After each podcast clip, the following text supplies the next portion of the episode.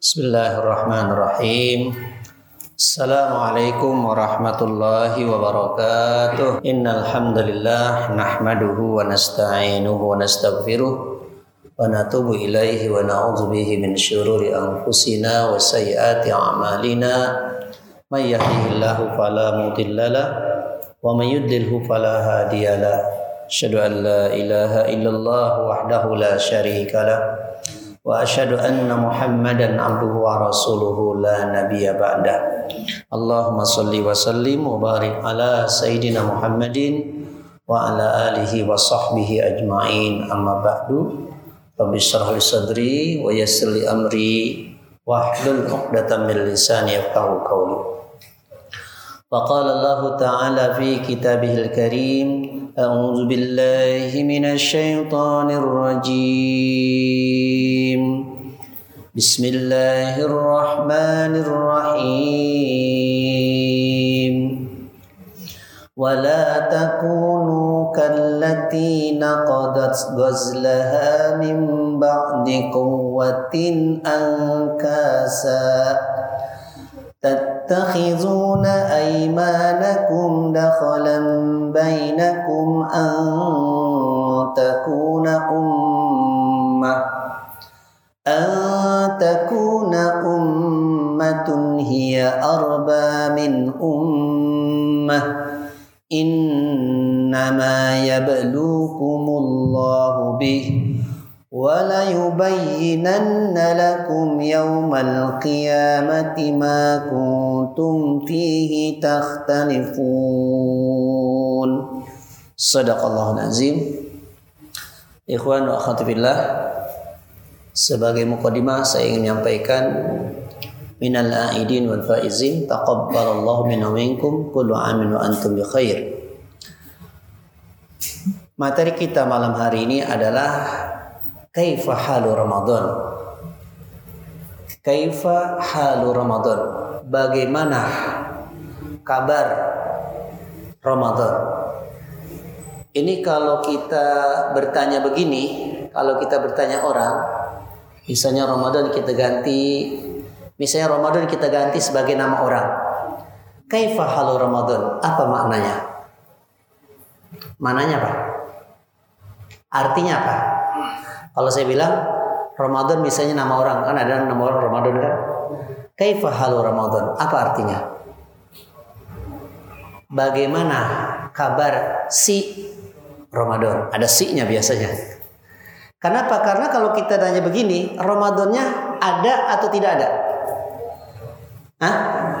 Tidak ada. Kalau kita bertanya misal kaifa halu Muhammad? Bagaimana kabar si Muhammad? Itu Muhammadnya nggak ada. Karena kalau Muhammadnya ada, bukan begitu pertanyaannya. Kaifa haluka ya Muhammad? Bagaimana kabarmu hai Muhammad? Nah, ada orangnya. Tapi kalau kaifa halu Muhammad? Bagaimana kabar si Muhammad? Lalu orang yang ditanya ini kan berarti dia komunikasi dengan orang lain. Dia bertanya bagaimana kabar si Muhammad? Bagaimana? Ada teroris kayak ini. Gara-gara pilgub kalah. Bagaimana kabar bulan Ramadan? Ya. Maka orang yang ditanya itu dia mungkin balik bertanya, emang ada apa? Emang ada apa dengan bulan Ramadan gitu? Padahal saya nggak apa-apa ini nih. Ya. Emang ada apa dengan bulan Ramadan? Ah. Emang ada apa di bulan Ramadan? Oh, ternyata bulan Ramadan itu apa ini? saya jadi tak saya jadi takut. ternyata bulan Ramadan itu fihi busro.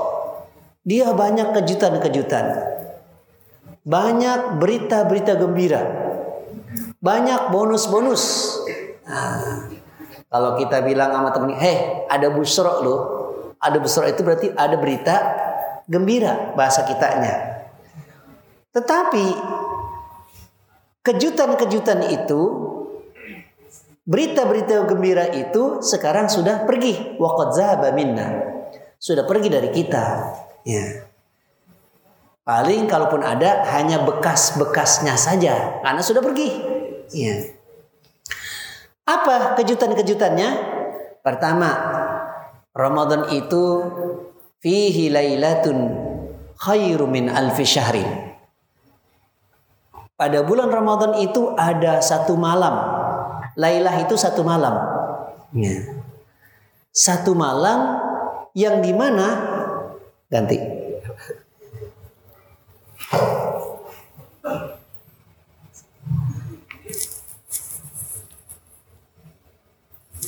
Di mana satu malam itu nilainya masih lebih baik daripada seribu bulan.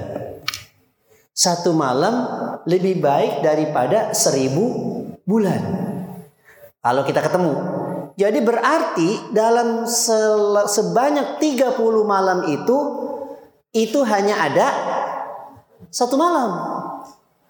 Cuma malam keberapa yang dimaksud dengan lailatun khairum min alfi syahrin. Karena kalau dikasih tahu, wah saya ngambil malam ini aja dah, besoknya saya nggak ngapa-ngapain, begitu. Ini karena nggak ketahuan, sehingga orang semua pada apa? Pada berupaya. Uh, ibaratnya kalau orang nih yang mau apa itu nyari ikan gitu, dia pokoknya dia terus menerus lah. Uh, pasti ada Berarti dalam selama 30 malam itu pasti Nah, pasti ada satu malam yang nilainya itu lebih baik daripada seribu bulan. Subhanallah.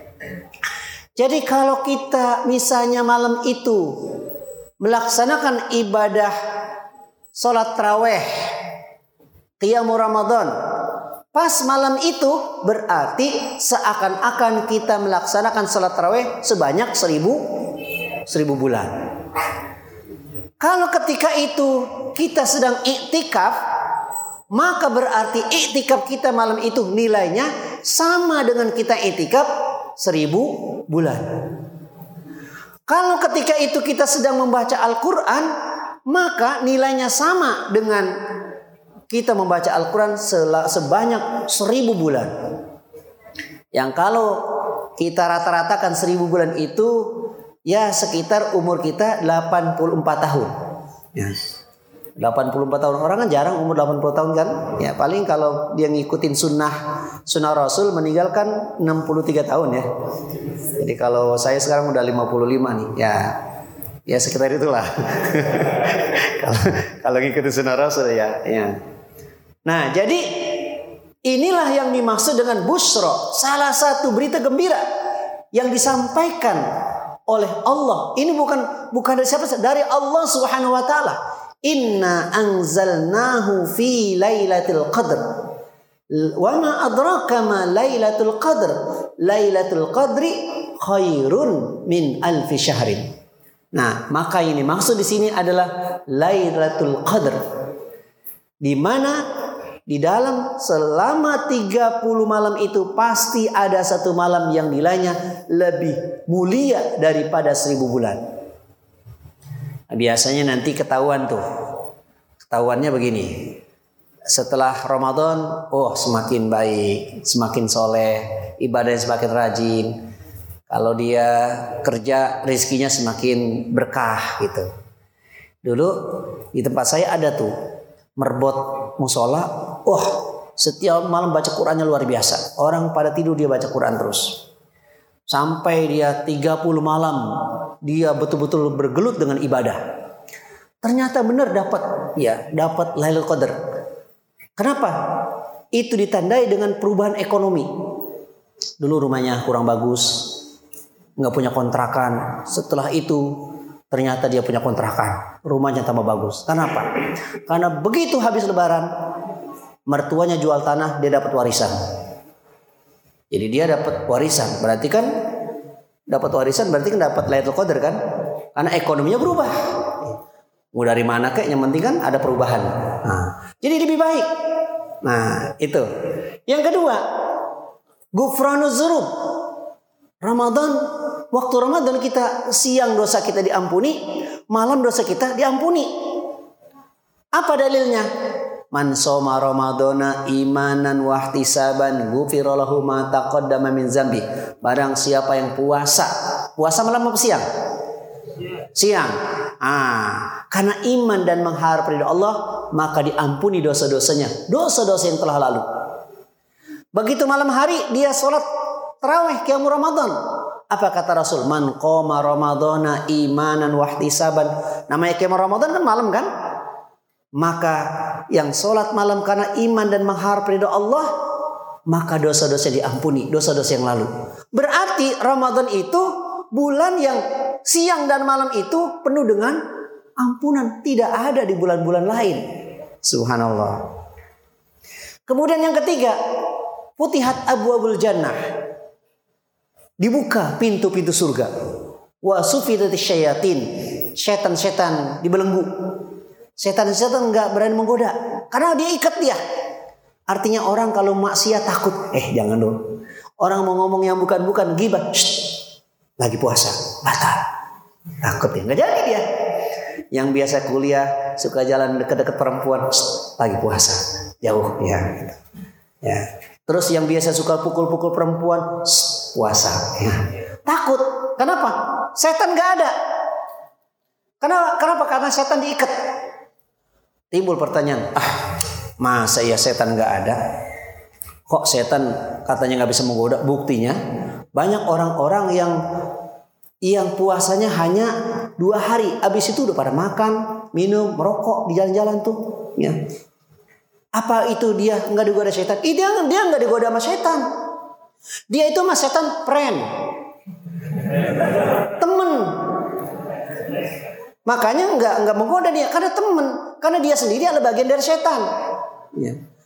Jadi orang yang di Ramadan nggak ada yang digoda sama setan karena setannya udah nggak nggak diikat nggak bisa.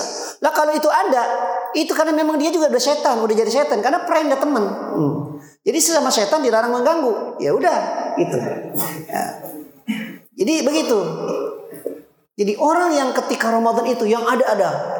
Yang gak biasa kan rajin ke masjid jadi ke masjid. Yang gak biasa sholat berjamaah jadi berjamaah. Kenapa? Seakan-akan itu dia mereka berbondong-bondong ingin ke surga. Oleh karena itu, ketika Ramadan ini adalah bulan kesolehan. Kita bisa lihat reporter TV yang gak biasa pakai jilbab pakai jilbab. Ya, ya kan? Anak apa perempuan-perempuan itu yang dulu benci sama Islam begitu Ramadan ah, pakai jilbab ya. Saya lihat itu ada partai sosial ini yang gak pernah pakai ini pakai juga walaupun bukan jilbab tuh kerudung ya gitu ya. ya di ditaruh aja di atas kepala ya. Jadi memang bulan kesolehan Ramadan itu ya. Jadi orang-orang akhirnya bagus ini menjadi soleh baik ya. Kenapa? Karena memang ketika itu setan terbelenggu. Sedangkan pintu-pintu surga itu dibuka.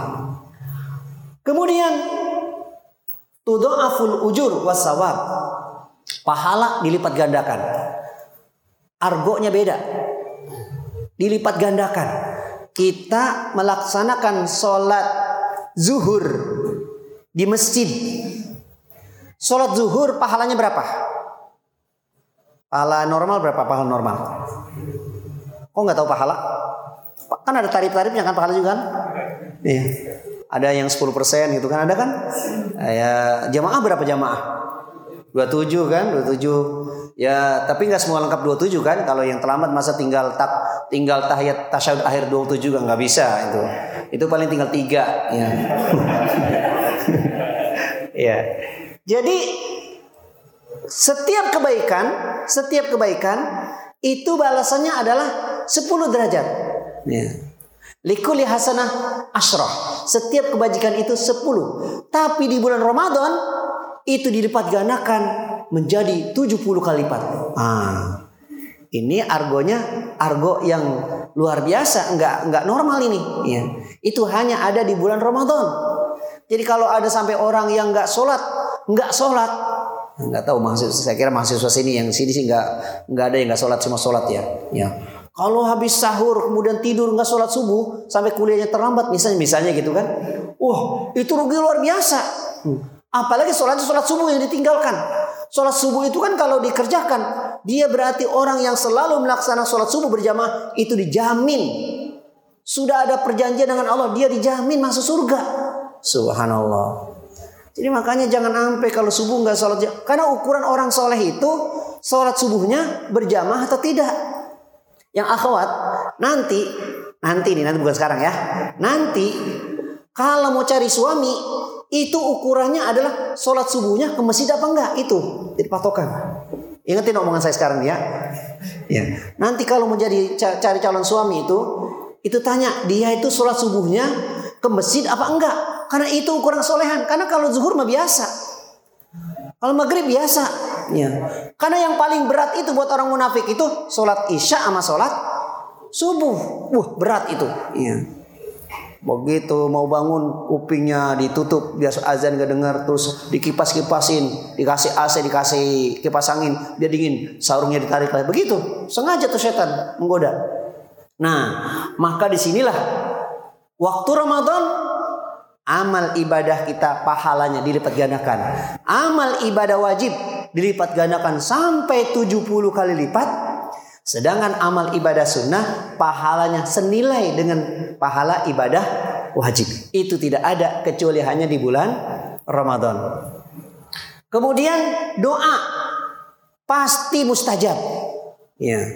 Kamu kemarin pada banyak doa nggak nih? Wah, itu doa setiap uh, di bulan Ramadan kalau orang berdoa, doanya itu dijamin pasti diijabah. Cuman kan kadang-kala kita ini saya doa kayaknya nggak ada tanda-tanda diterima. Jangan suuzon sama Allah. Kita harus husnuzon baik sangka sama Allah. Pasti doanya diterima. Cuman mintanya minta apa? Nanti Allah yang akan mengabulkan. Kan ada yang cash doanya, ada yang ya disimpan dulu ditabung sama Allah. Nanti dia setelah dia selesai kuliah terus berkeluarga, maka ternyata terjadi sebuah perubahan yang sangat amat dahsyat Ternyata itulah doa-doa yang dilantunkan ketika dia masih menjadi seorang pemuda. Ketika dia belum nikah. Itu bisa terjadi. Nah, maka di sini doa-doa di bulan Ramadan itu pasti diijabah. Itu tidak ada tidak ada jaminan di bulan yang lain. Nah, kenapa? Karena di bulan ini ada jaminan doa kita pasti diijabah. Nah, Itulah kenapa orang merindukan bulan Ramadan. Sehingga dia bertanya, bagaimana kabarnya Ramadan? Emang ada ada apa nanyain dia? Oh, karena dia begini begini. Nah, ceritanya kira-kira gitu, kira-kira. Nah, kemudian nah, kita harus hati-hati. Kemarin kita waktu Ramadan sholat berjamaah, baca Quran, qiyamul lail, infak sodako, iktikaf. Bagaimana setelah Ramadan usai? Kalau ada orang yang solehnya hanya di bulan Ramadan, begitu setelah selesai Ramadan seakan-akan habis seperti habis di penjara. Wah, dia sebebas-bebasnya. Nah, inilah yang digambarkan di dalam surat An-Nahl surat 16 ayat 92 yang saya bacakan tadi. Wala takunu kallati naqadat ghazlaha mim ba'di ankasa. Janganlah kamu seperti seorang wanita yang mengurai tenunannya setelah tenunnya itu jadi. Jadi dia menenun dikit-dikit, ditenun, tenun setelah jadi pakaian dibuka lagi satu-satu. Nah, kira-kira gitu. Ini ceritanya cerita seorang wanita tua yang dia menenun dengan waktu. Setiap hari dia kerja menenun terus uh, menenun ya. Terus setelah tenunannya jadi eh dibuka lagi satu-satu. Ini ibaratnya seperti orang yang ketika bulan Ramadan dia hiasi dirinya dengan amal-amal soleh dengan amal-amal baik.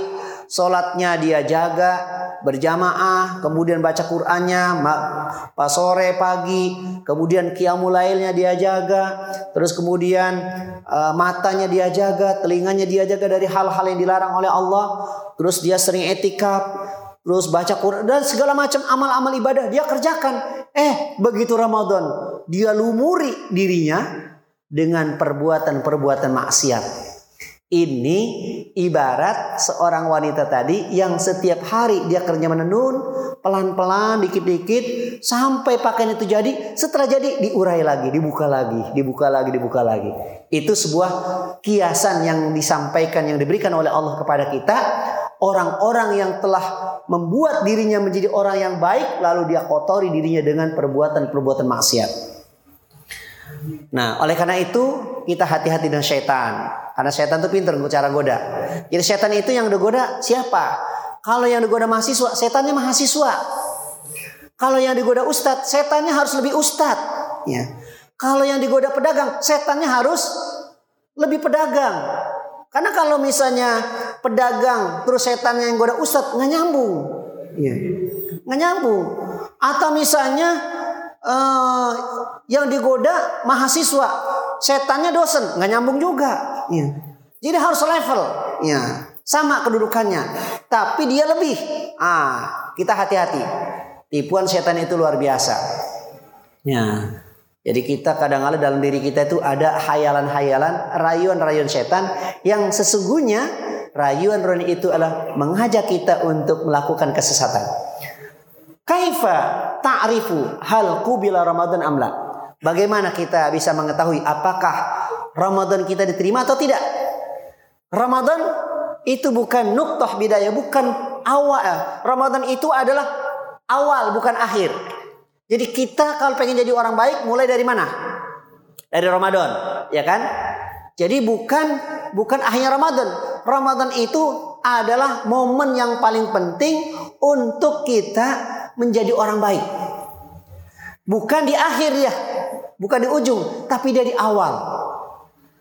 Ya, oleh karena itu tadi saya sudah sampaikan orang-orang yang tadinya tidak pakai jilbab sekarang pakai jilbab di, di waktu Ramadan, yang tadinya tidak apa tidak pernah pakai baju koko beli baju koko, yang tadinya tidak pernah beli kain beli kain gitu kan. Karena memang itu adalah momen untuk melakukan perubahan. Ya. Bukan akhir tapi awal untuk melakukan perubahan kepada yang lebih baik. Berikutnya adalah nah kalau salafus soleh terdahulu orang-orang salafus soleh begitu Ramadan meninggalkan uh, meninggalkan kita maka orang-orang salafus soleh itu berdoa. Apa doanya? Jadi enam bulan setelah Ramadan pergi dia berdoa. Selama enam bulan itu doanya adalah Allahumma ya Allah ya Tuhanku. Rabbana wahai Tuhan kami taqabbal minna terimalah dari ibadah kami. Salatana salat kami wasiamana puasa kami. Terus dia minta kepada Allah. Pokoknya segala berbagai macam bentuk ketaatan yang dia lakukan di bulan Ramadan itu dia minta kepada Allah agar supaya Allah menerimanya. Berapa bulan? Selama enam enam bulan. Ya. Nah di samping itu pula dia minta apa? Dia minta setelah itu, setelah enam bulan itu, jadi kan enam bulan, minta agar supaya eh, ketaatan atau amal ibadah diterima. Setelah enam bulan kemudian, dia minta agar supaya umurnya dipanjangkan hingga bulan Ramadan. Jadi enam bulan setelah Ramadan itu minta agar supaya amal ibadahnya yang mereka lakukan itu diterima. Maka setelah enam bulan kemudian sampai Ramadan dia minta agar supaya umurnya dipanjangkan hingga bulan Ramadan. Nah ini bagus nih. Ya. Jadi kita kadang-kala minta panjang minta ketemu Ramadannya udah bulan Syakban, udah bulan Rajab. Kan itu ada doanya kan? Walaupun itu dianggap hadisnya lemah kan? Uh, Allahumma barik lana fi Rajab wa Sya'bana wa balighna Ramadan. Ya hadisnya memang lemah tapi kan kalau kita ingin berdoa seperti itu eh, nggak ada larangannya asal kita tidak mengatakan itu adalah hadis. Kalau memang bagi yang mereka yang menganggap hadis itu adalah tidak bisa digunakan. Karena sebagian orang ada hadis yang doib masih bisa dipakai menurut dia. Tapi ada orang yang memang tidak boleh menggunakan hadis doib. Nah oleh karena itu untuk huruf minal khilaf yang nggak usah kita sebut itu sebagai hadis. Tapi kita berdoa dengan kalimat yang begitu itu tidak ada tidak ada larangannya gitu. Kemudian uh, apa ciri-ciri dan tanda-tanda ibadah Ramadan kita diterima? Nah, kita bisa introspeksi. Kira-kira Ramadan kita diterima atau enggak ya? Ya. Ada ciri-cirinya. Pertama adalah at-taufiq lit-ta'ah wal bu'du anil maksiyah. Jadi setelah Ramadan itu dia semakin bertambah ketaatannya dan semakin menjauh dari maksiat. Nah, kira-kira gitu. Kita bisa kita bisa ngukur. Nih kira-kira kita bisa Ramadan e, baca Qurannya tambah rajin atau berkurang. Kita setelah Ramadan sholatnya berjamaah semakin rajin atau berkurang. Kita setelah Ramadan ini kira-kira maksiat kita pikir-pikir ah apa ini maksiat yang saya perlakukan? Hmm. Maksiat atau tidak? Nah itu bisa kita mengukur diri kita sebagai standarisasi apakah Ramadan kita diterima atau tidak. Nah, itu sebagai ukurannya. Kenapa? Karena bagi orang yang Ramadan diterima, dia akan selalu apa dibimbing, ya, dibimbing oleh Allah untuk terus menjaga ketaatannya. Dan al hasanah tatba'uha al hasanah. Kebaikan itu diikuti oleh kebaikan. Kebaikan diikuti oleh kebaikan. Kalau kita kan kalau ada hadis yang lain kan waat bi atal hasanata tamhuha. Ikutilah keburukan itu dengan kebaikan, maka keburukan itu akan terhapus oleh kebaikan. Jadi misal begini. Ada orang uh, hidupnya maksiat terus, maksiat, maksiat, maksiat, maksiat. Dari dia balik sampai dia umur 40 tahun, maksiat terus. Tiba-tiba setelah umur 40 tahun dia sadar. Dia bertaubat kepada Allah. Dia mau rajin baca Al-Quran, belajar membaca Al-Quran, belajar sholat. Kemudian setelah setelah lima bulan kemudian ternyata dia meninggal dunia. Meninggal dunia. Dia sudah bertobat. Dia sudah melakukan kebaikan. Maka keburukan-keburukan yang dia lakukan sekian puluh tahun itu. Maka bisa jadi gugur dengan kebaikan-kebaikan yang dilakukannya. Tapi kan kalau umur nggak bisa kita atur kan, karena kita nggak tahu matinya kapan. Ya. Kalau matinya ketahuan kan bisa diprogram kan, makanya kita disuruh kata Allah apa? Wala tamutunna illa wa antum Jangan kamu mati kecuali kamu dalam keadaan Islamiyatul hayat, hidup secara Islami. Jadi jangan sekali-kali kita kayaknya enak juga kayak teman saya tuh, teman saya pernah nyobain mabok tuh dia. Saya pengen nyoba-nyoba kayak mabok sekali gimana mabok gitu ya. Dia suka bilang, wah bangga itu ngomongin dia mabok tuh bangga. Saya pengen coba sekali-kali. Jangan suka coba begitu, kenapa? Takutnya begitu nyoba langsung apa? Mati. Ya. Suul khotimah kan? Habis sudah. Kebaikan-kebaikan itu habis. Ya. Kenapa? Karena kata Rasul innamal a'malu bikhawatimiha. Amalan itu yang dilihat apa? Yang di ujung. Amalan itu dilihat yang di ujung, bukan di depan. Di ujungnya apa? Baik. Ah, baik dia. Walaupun di depannya baik-baik, tapi di ujungnya tidak baik, habis semua. Gugur.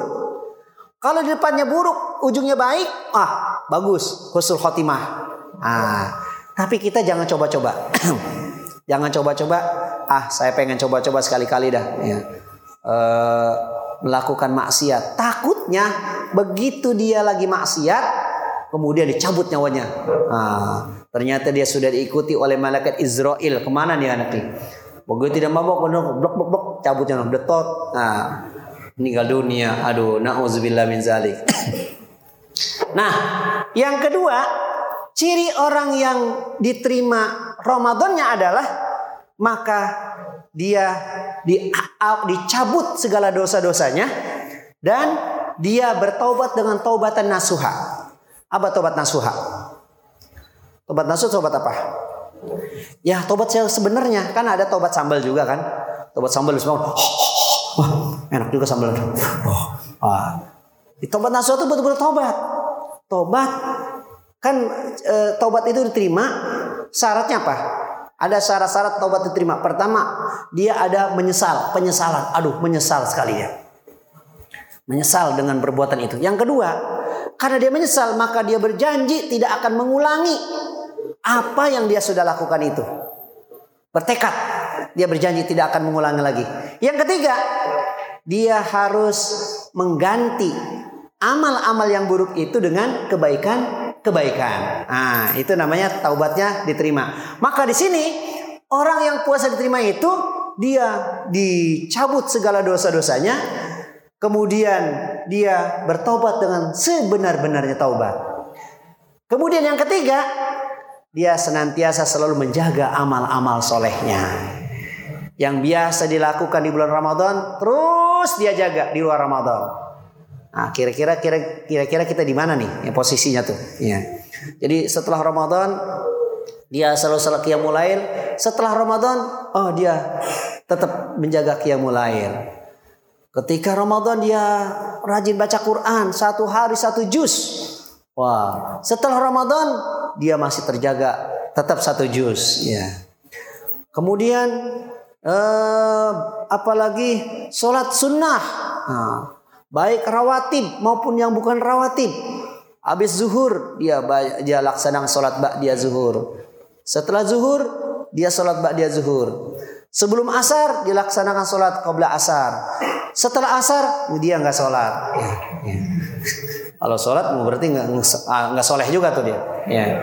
Nah jadi selalu menjaga ibadah-ibadah atau amal-amal solehnya. Ini di antara ciri-ciri orang itu diterima amal ibadahnya.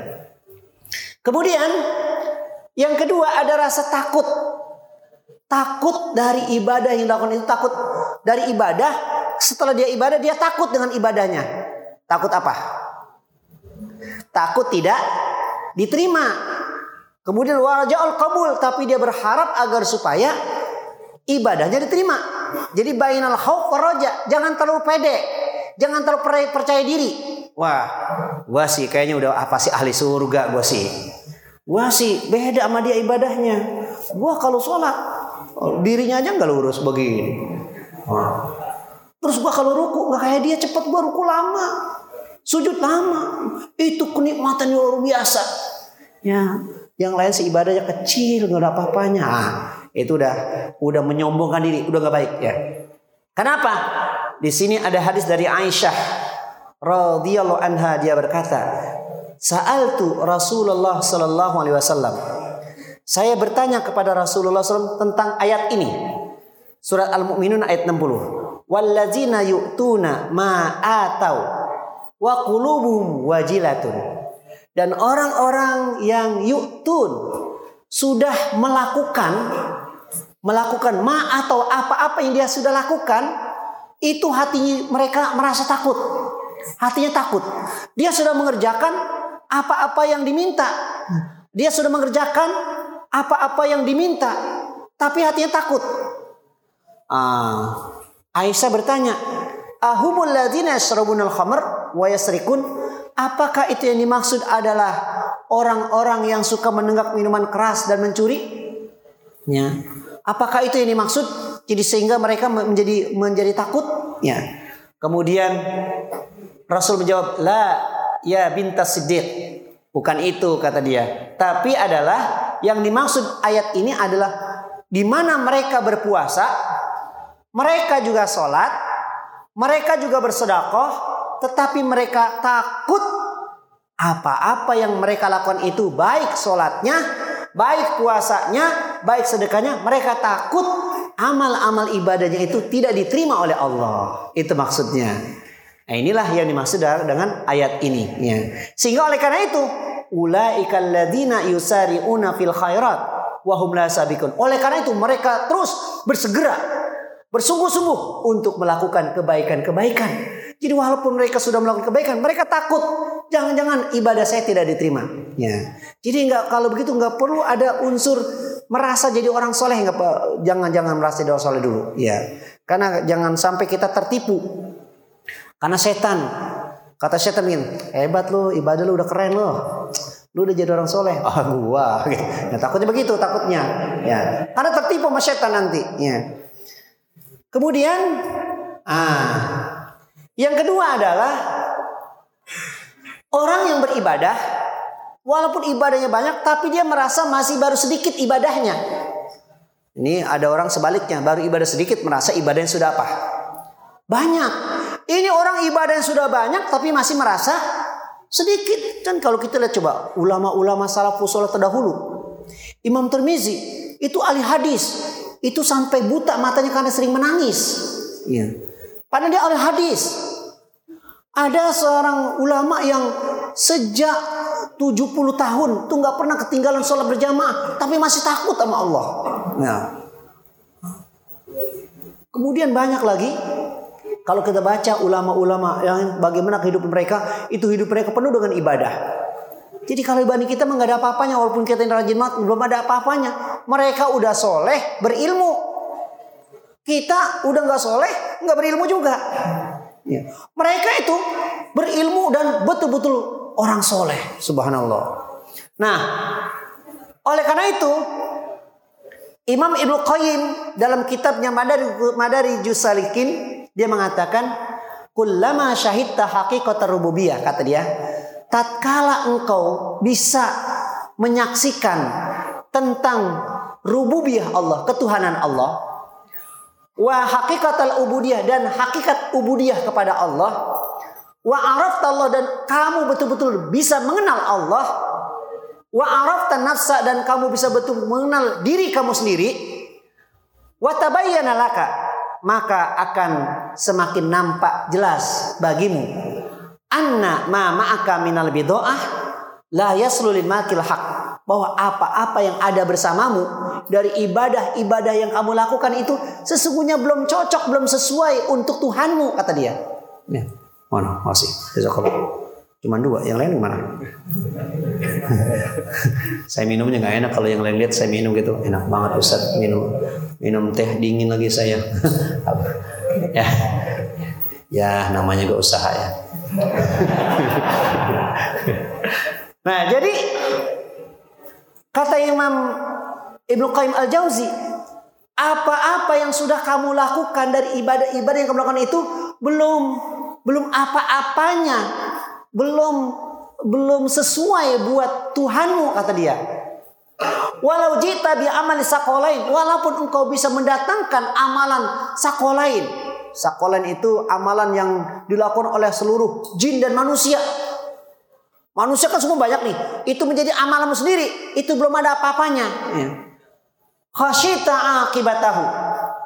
Dan engkau merasa khawatir tentang akibatnya nanti wa innama yaqbaluhu biqarami wajudi wa bifadlih tetapi Allah menerima amal-amal ibadah kita itu bukan karena kesolehan amal itu tetapi ibadah kita diterima itu adalah karena apa karena kemuliaan Allah.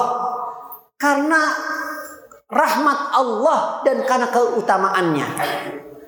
Jadi jangan sampai kita menduga kita ini menjadi bisa beribadah dengan ibadah yang banyak lalu kemudian dengan ibadah itu Allah menerima amal ibadah kita karena ibadah kita. Bukan. Tetapi kalau itu diterima itu adalah karena kemurahan dan karena keutamaan dan kedermawanan Allah. Ya. Wa yusibuka alaihi aidan bi wajudihi wa tafaddulihi. Jadi itu jadi bukan oleh karena itu kita jangan sekali-kali merasa merasa tertipu dengan perasaan kita sehingga kita sudah menjadi merasa sudah menjadi orang yang soleh.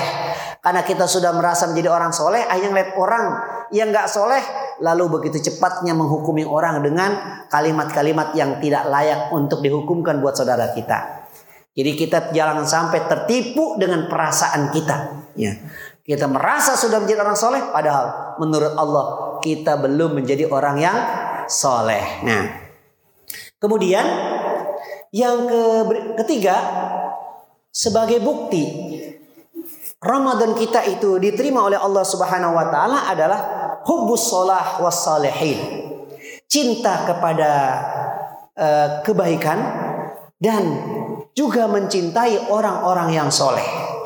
Jadi sebagai bukti puasa kita atau Ramadan kita terima, maka kecintaan kita terhadap orang kepada orang-orang soleh kecintaan kita terhadap ilmu-ilmu di majelis ilmu, maka ini meningkat. Nah, jadi terbukti nanti kalau pengajian makin makin sepi berarti amal ibadahnya nggak diterima tuh. Kalau kita lihat ini, kalau pengajian makin ramai, oh berarti ini mahasiswa ibadah Ramadan diterima semua. Begitu. Jadi karena ini ukuran yang dibuat oleh ulama. Ya, standarnya apa?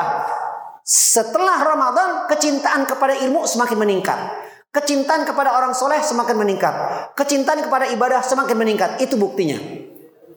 Kalau itu terbukti berarti Ramadan yang dia lakukan itu adalah amal-amal ibadahnya diterima oleh Allah dibuktikan dengan perubahan setelah Ramadan.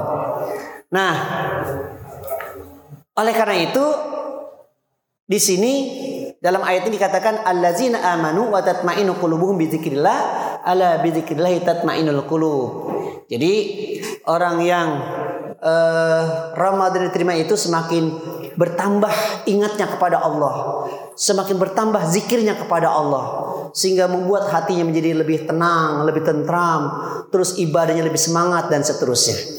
Kemudian yang berikutnya adalah uh, nanti setelah itu dia akan uh, sebagai bukti tadi kecintaan dia kepada orang soleh maka dia akan dibimbing oleh Allah ditanamkan rasa cinta dalam dirinya itu cinta kepada ilmu cinta kepada ibadah ya sehingga lahir sebagai bukti keimanan itu kata Rasul inna awsaqa ural iman an fillah wa fillah sesungguhnya ikatan iman yang paling kokoh, ikatan iman yang paling kuat itu adalah cintanya karena Allah, bencinya karena Allah. Berarti kalau dia mencari sahabat, sahabat yang dicari adalah sahabat yang mencintai Allah gitu. Kalau ada orang yang enggak cinta sama Allah, bukan jadikan sebagai sahabat, tapi dijadikan sebagai madu, dijadikan sebagai orang yang didakwahi. Ya. Jadi kalau orang yang tidak baik bukan kita jadikan sahabat, tapi kita jadikan dia sebagai lahan dakwah kita. Tapi kalau dia orang soleh, kita jadikan dia sebagai teman kita. Ya. Berteman dengan orang-orang soleh. Kemudian yang terakhir, oh nggak ada. Oh, berarti nggak tersimpan. Ada lima hal, ya, ada lima hal yang itu merupakan sebagai standarisasi ibadah kita ini diterima oleh Allah atau minimal itu kita jadikan sebagai uh, ukuran peningkatan iman kita. Yang pertama adalah al-muhafadzah ala salawat al-mafruḍah, yaitu menjaga ibadah salat wajib berjamaah, terutama salat subuh. Nah, tadi ukurannya itu salat subuh. Jadi ukurannya adalah bagaimana setelah Ramadan itu sholatnya ah, apabila dia bisa menjaga ibadah sholat sholat wajibnya berjamaah di masjid jangan jamaah di kamar ya ini jamaahnya di masjid anak kalau di kamar saya khawatir nanti di masing-masing kos pada bangun masjid al ikhlas ya. Ada masing-masing uh, kos punya masjid gitu ya ah, ke masjid kenapa karena jalannya saja ada hitungannya di sisi Allah. Nah maka di situ sebagai bukti selalu menjaga ibadah sholatnya, sholat wajibnya berjamaah, ya, terutama sholat subuh. Nah, kalau wanita kan nggak dianjurkan berjamaah, ya minimal dia selalu bisa menjaga ibadah sholatnya di awal waktu, ya. Kemudian yang kedua adalah selalu meningkatkan tilawatul Quran, ya, membaca Al-Quran. Baca Al-Qurannya terus meningkat, ya, baca Al-Quran, ya. Kemudian uh, setelah baca Quran terus juga berzikir. Jadi kalau habis sholat jangan langsung Assalamualaikum warahmatullahi Assalamualaikum Astagfirullahaladzim, astagfirullahaladzim. Langsung pergi. Ya. Zikirnya sambil jalan. Astagfirullahaladzim, astagfirullahaladzim. Astagfirullahaladzim. La ilaha illallah. La ilaha Nah, itu mah orang sedih itu mah ya, bukan zikir. Jadi habis sholat habis salam astagfirullahaladzim. Astagfirullahalazim. Ingat dosa-dosa masa lalu. Aduh, saya pernah makan bakwan di sekolah saya dulu saya belum bayar itu ya bakwan ya. Saya bawa makan bakwan lima ngaku tiga ya. Terus wah banyak dosa-dosa yang lain. Nah, dia ingat gitu. Wah nanti kalau saya pulang saya temuin tuh yang jaga kantin saya mau bayar utang saya. Nah, itu namanya ada apa namanya ada dengan sebab zikir kepada Allah merasa banyak dosa kepada Allah dia berzikir kepada Allah istighfar kepada Allah Kemudian di samping dia e, berzikir, apalagi lima tadi ya, lima. Zikir, kemudian ya termasuk e, sodakoh ya, nah, sodakoh ya dia tingkatkan juga. Jadi sholat berjamaah, kemudian baca Al-Quran, ah, kemudian berzikir termasuk qiyamulailnya ya, qiyamulailnya dan kemudian juga ah, banyak sedekah dan juga eh, ya termasuk menghidupkan amal-amalan yang sunnah. Ya ini adalah dalam rangka untuk menjaga standarisasi keimanan kita kepada Allah Subhanahu Wa Taala. Nah jadi eh, kenapa kita bertanya tentang bagaimana kabar Ramadan? Karena kita banyak kenangan-kenangan di bulan Ramadan.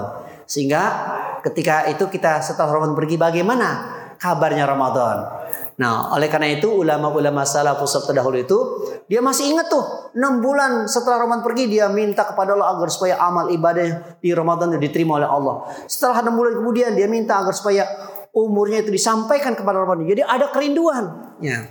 Kita kan kadang-kala udah puasa lagi aja ya. ya. Jadi bertanya, udah puasa lagi aja ya.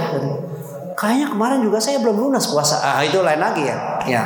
Jadi kalau orang dua ada kerinduan dengan Ramadan, makanya bertanya, kayak apa halu Ramadan? Nah, inilah yang harusnya kita jadikan sebagai uh, momen untuk kita introspeksi diri kita, bagaimana ibadah kita Ramadan yang lalu. Kalau itu sudah baik, maka terus kebaikan itu kita jaga. Tapi kalau kita belum maksimal, Ah, maka di Ramadan ini kita bertekad harus uh, segala hal-hal yang terlewatkan di bulan Ramadan mungkin kita tingkatkan di luar Ramadan. Saya kira ini materi kita malam ini. Kalau sudah cukup, terima kasih. Jazakallahu khairan. Mudah-mudahan bermanfaat. Walaupun minkum. Assalamualaikum warahmatullahi wabarakatuh.